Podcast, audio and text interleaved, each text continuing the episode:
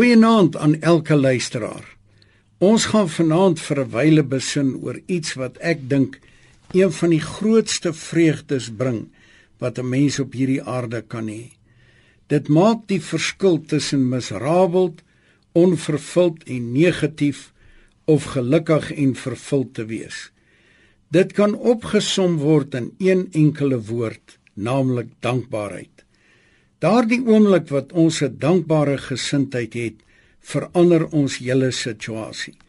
In Psalm 100 vers 4 lees ons in die Nuwe Lewende Vertaling: "Gaan sy poorte in met dankliedere, sy hofsaal met lofgesange."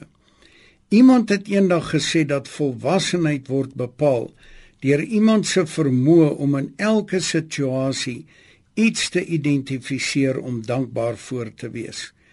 Paulus skryf aan die Efesiërs in hoofstuk 5 vers 19 tot 20: Spreek onder mekaar met psalms en lofsange en geestelike liedere en sing en psalms sing in julle hart tot eer van die Here terwyl julle God die Vader altyd vir alles dank in die naam van ons Here Jesus Christus.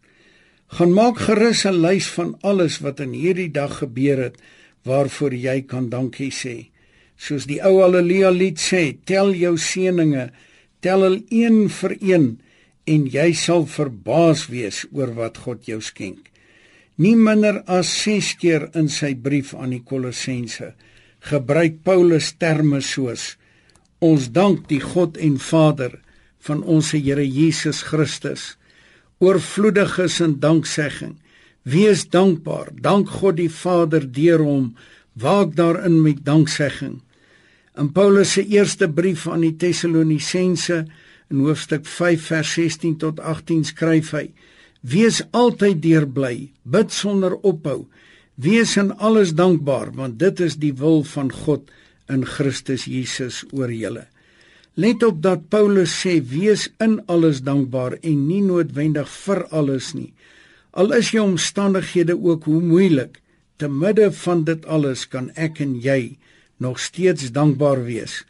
Want as wedergebore kind van God weet ek en jy dat alles ten goeie meewerk vir hulle wat God liefhet, vir die wat na sy voorneme geroep is. Wat jou omstandighede ook al mag wees, Jesus gaan dit vir jou ten goeie laat meewerk. Ons het rede om uitermate dankbaar in alles te wees. Die skrywer van die Hebreërbrief sê dan ook in hoofstuk 12 vers 28: Daarom omdat ons 'n onwankelbare koninkryk ontvang het, laat ons dankbaar wees en so God welbehaaglik dien met eerbied en vrees. Amen.